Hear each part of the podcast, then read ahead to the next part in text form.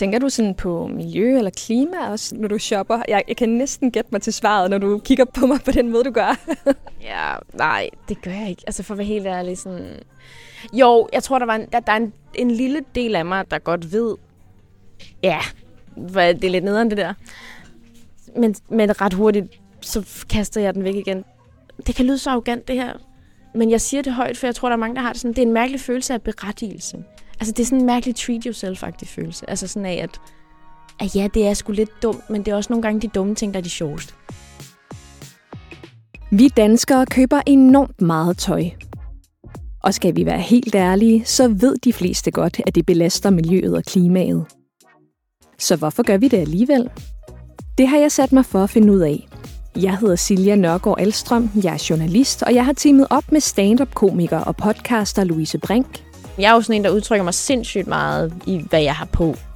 Sammen vil vi prøve at finde ud af, hvorfor vi danskere køber så meget tøj, og hvordan vi kan være miljøbevidste uden at gå på kompromis med vores stil.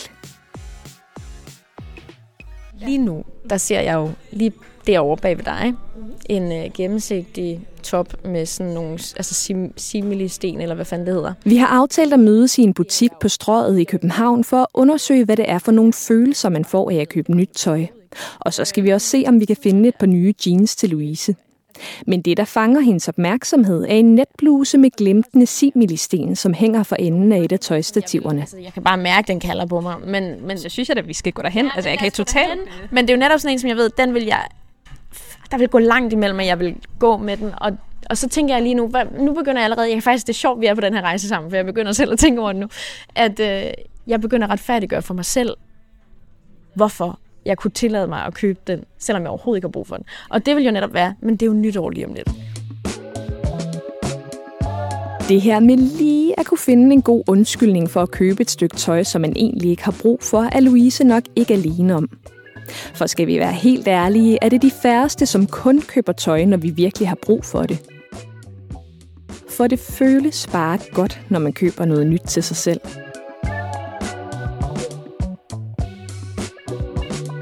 Så det er nærmest stoffer, altså på en eller anden måde, fordi at det er jo også den, det er jo den følelse, du jager jo med alt det, du prøver på, og som jo forsvinder lige så hurtigt, som den kan opstå. Så det er jo også netop sådan en, en, en jagt, der aldrig stopper. Altså det er fandme mange gange, jeg har stået derhjemme og tænkt, nå, nu faldt du for det igen.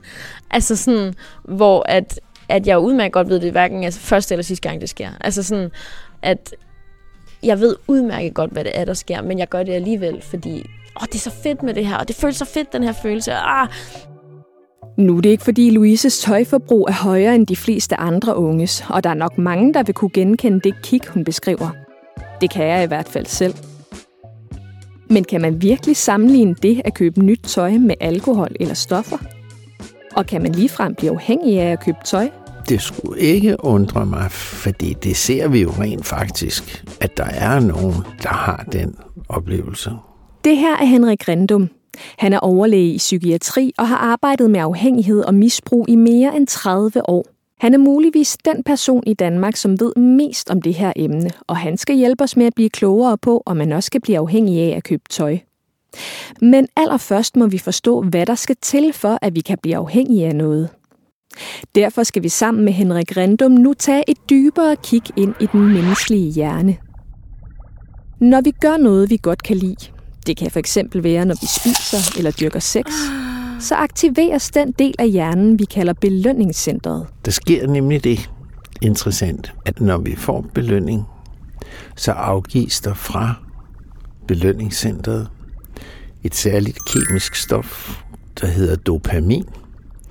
Og når dopamin rammer frontallapperne, som er den vigtigste del af vores hjerne, det er her hele vores følelsesliv ligger, det er her øh, vores øh, beslutninger træffes, det er der, populært sagt, direktøren sidder. Når dopaminet rammer, så oplever vi psykisk ro, psykisk velvære, vi får det psykisk godt. Der bliver sådan en ro og glæde over det at få dopamin til frontallamperne. Så når vi gør noget, der er godt for os, udløser det altså en præmie fra hjernen i form af et skud dopamin, som bare føles rigtig godt. Derfor er vi mennesker villige til at gå meget langt for at få sex og mad.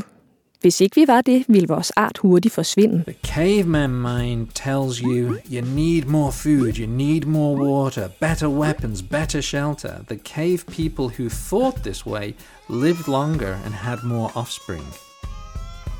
Unfortunately, in the modern world, this manifests as greed, dissatisfaction, craving, wanting. It's never enough. I need more, more, more. Der er altså tale om stærke drifter, når det handler om vores trang til belønning. Men mad og sex er selvfølgelig ikke det eneste, der kan aktivere belønningscentret og gøre os glade. Jeg kender det jo for eksempel fra, at når, jeg, når det er forår, og jeg er nede på landet, så kan jeg få den der lykkefølelse af at, at for første gang kunne dufte det grønne græs og fornemme de udsprungne træer, og det kan give mig en, en vis glæde. Så har jeg jo været dybt nikotinafhængig, hvor nikotinet jo altså også udløser dopamin i hjernen, som gør os afhængige. Men det er den mere destruktive afhængighed, vi opnår der. Men som man siger, lykken er lunefuld, og det gælder også for den lykkefølelse, som dopaminrusen giver os. Den varer ikke ret lang tid. Den fordamper relativt hurtigt. For eksempel på mad, der er det stort set kun i den tid, vi sidder og spiser, og så lige bagefter, vi kan lige sidde og slappe lidt af, og så kan vi fornemme den der gode virkning. Ret hurtigt så forsvinder den der følelse af det der kick, det kan give. Altså sådan, når du står i et prøverum og prøver noget på, og du er sådan, ej, hvor er det fedt den er ret hurtigt væk igen. Altså sådan, og, og det er fandme tit sket, at jeg har købt fem nye toppe. Der bliver lagt ind i skabet, alt er godt. Og så får jeg gået med to af dem inden for den næste uge, og resten det ligger der bare lidt. Eller så viste det sig, at den var måske ikke så fed alligevel. Og så søger man ny lykke. Og her ligger der en risiko for at udvikle en afhængighed. For hvis vi bliver forhindret i at gøre det, som kan udløse et dopaminfix, får vi det skidt. Når vi blokerer dopaminet i hjernen, så bliver personerne indesluttet, de bliver umotiveret, primitiv adfærd. Der er ingen lyst og ingen glæde. Dopaminet er lyst og glæde. Det er jo for eksempel derfor, at vi juleaften ikke sidder og spiser gulerødder. Nej, hvad skal vi have juleaften? Vi skal have fedtstoffer, og vi skal have sukkerstoffer, og der skal være så rigeligt at... Glædelig jul, glædelig jul. Det er fandme godt, altså. Og det er jo sovsen, der binder det hele sammen. For det er det, vi kan overleve på. Det er kalorierne. Så det er det, der giver belønning. Og det samme ser vi jo her. For nu er vi tilbage, hvor vi startede ved tøjet. Henrik Randum har ikke kunne finde nogen studier, der sort på hvidt fastslår, at tøjkøb kan være vanedannende. Men han mener alligevel, at det er sandsynligt, at det at købe tøj kan give os en kortvarig lykkefølelse, som kan udvikle sig til en afhængighed. På samme måde som vi ser ved ludomani. Det er jo det, det her med at foretage en handling øh, og se, at man vinder. Ej, jeg vandt. Jeg vandt 50 kroner. Hold da op. At jeg brugte 200 kroner for at finde 50, det går jeg ikke så meget op i, men ej, det er at vinde. Og det at købe ting, der må, det må være en tilsvarende mekanisme, men vi har altså ikke de hårde beviser. Alligevel mener Henrik Rendum, at det ikke er usandsynligt, at vi faktisk bliver lykkelige af at købe tøj. Men kun for en kort stund. Og den følelse, som tøjkøbet giver, kan være vanedannende altså jeg kan mærke, at jeg har ikke et misbrug på den måde, at jeg har egentlig et, et rigtig fint shoppeniveau, men rationalet i det er jo helt hen i vejret. Altså, og sådan tror jeg, der er mange, der har det, netop fordi man jagter den der følelse. Og, og selvom man ikke er decideret misbruger eller shopaholic, øh, lige så vel som, altså så, så er det jo det samme som, at når du drikker dig fuld uden at være alkoholiker. Det må jeg godt. Lige så vel som når man, du ved, knapper en øl op. Det må jeg godt. Am kl. 12 på en torsdag, det er lille fredag. Du ved, ikke? Altså. Og nu er, det, nu er det tirsdag formiddag her. Yeah. Men altså, du står jo stadigvæk med den der øh, fiskenets øh, simlistens bluse. Ja, skal vi ikke øh, ja. den hen til prøverummet? Vi efterlader lige Louise, mens hun prøver blusen, for vi skal et kort øjeblik tilbage til Henrik Rendum. Vi har allerede slået fast, at det er de menneskelige urinstinkter, der er på spil, når vi jagter det næste dopaminfix. For eksempel det næste tøjkøb. Men det er faktisk muligt at kæmpe imod trangen. Du skal prøve at blive klar over, hvorfor du bliver så glad. Var der andre situationer, der kunne give mig den samme glæde? Og det er det, der er så vigtigt. Det er simpelthen så vigtigt. Hvis man kommer og møder en person, som er vild med hele tiden at købe tøj, og prøver at få personen til at forstå, hvor lang tid holder den glæde, og hvad kunne du i øvrigt bruge de penge til, som kunne gøre dig glad? Altså hvis det er sådan, at det er en stor del af budgettet, der bliver brugt på tøj, så øh, vil jeg sige, så kunne man, så kan man godt tale lidt om, hvad, hvad, hvad kunne ellers gøre dig glad? Og det er nogle rigtig spændende snakke. Da Louise kommer ud af prøverummet, fortæller jeg hende, hvad Henrik Rendum har sagt om, at man godt kan modstå fristelsen af et hurtigt dopaminkick i tøjbutikken ved at skifte tøjkøbet ud med noget andet, som gør en glad. Og Louise? Ja, hun er lidt skeptisk. Hvorfor?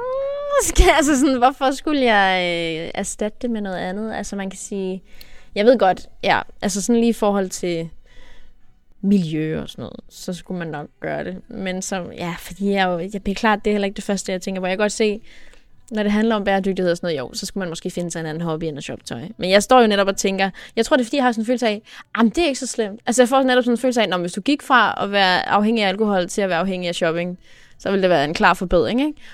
Men, men jeg tror også, det er fordi, jeg, jeg har netop sådan en følelse af, at så slemt er det ikke. Men hvad tænker du om det der med, altså at måske kunne der være andet? Øh, der kunne give dig den samme følelse? Det er der nok. Altså, man kan sige...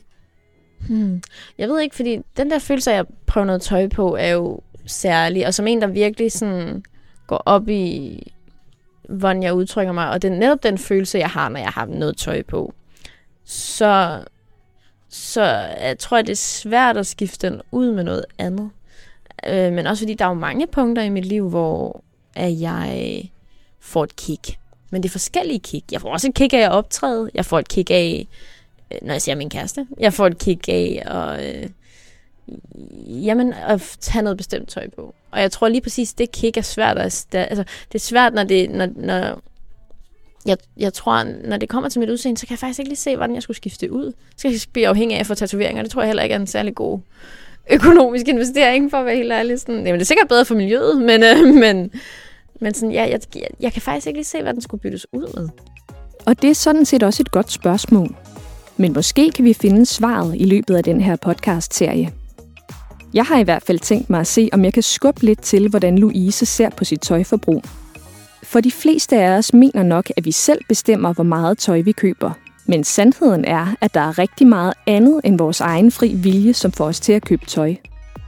Det ser vi nærmere på i de næste afsnit, hvor vi zoomer ind på adfærdsbiologien, på de sociale mediers indflydelse og på kvaliteten af det tøj, der hænger i butikkerne. Men bare rolig. Vi kommer også til at møde en person, som kan lære os, hvad man kan gøre for at genvinde kontrollen og tage styring over sit tøjforbrug. Ej, det går så galt, det her. Det gør det. det. Og hvem ved, måske ender Louise med at komme til at se på sine shoppevaner med nye øjne. Ja, jeg er så presset lige nu. Det kan... Men inden vi når så langt, skal vi lige have rundet vores shoppetur af. For Louise har nemlig besluttet sig for ikke at købe fiskenetsblusen alligevel. Det er jo ligesom at, at vikle et fiskenet ud nu. Altså sådan, jeg føler jo lidt, jeg føler mig som sådan en fisker, der har fået fucket sit net op. Altså det er jo, Jeg kan godt se, at den er, sådan, øh, den er fuldstændig filtreret ind i sig selv. Den er, den er, den er så... Altså, jeg er også bange for at ødelægge den jo. Ja, det var nok alligevel ikke helt hendes stil. Og lige præcis det zoomer vi ind på i næste afsnit. Vores tøjstil handler nemlig ikke kun om personlig smag. Godt nok er vi moderne mennesker, men når vi vælger, hvilket tøj vi vil tage på, Og om vi skal købe noget nyt, er vi alligevel underlagt nogle af vores allerældste og mest primitive instinkter. Det ser vi nærmere på i næste afsnit. Vores store stofmisbrug er en podcast fra Miljøstyrelsen. Serien er produceret af Kontekst og Lyd. Jeg hedder Silja Nørgaard Alstrøm.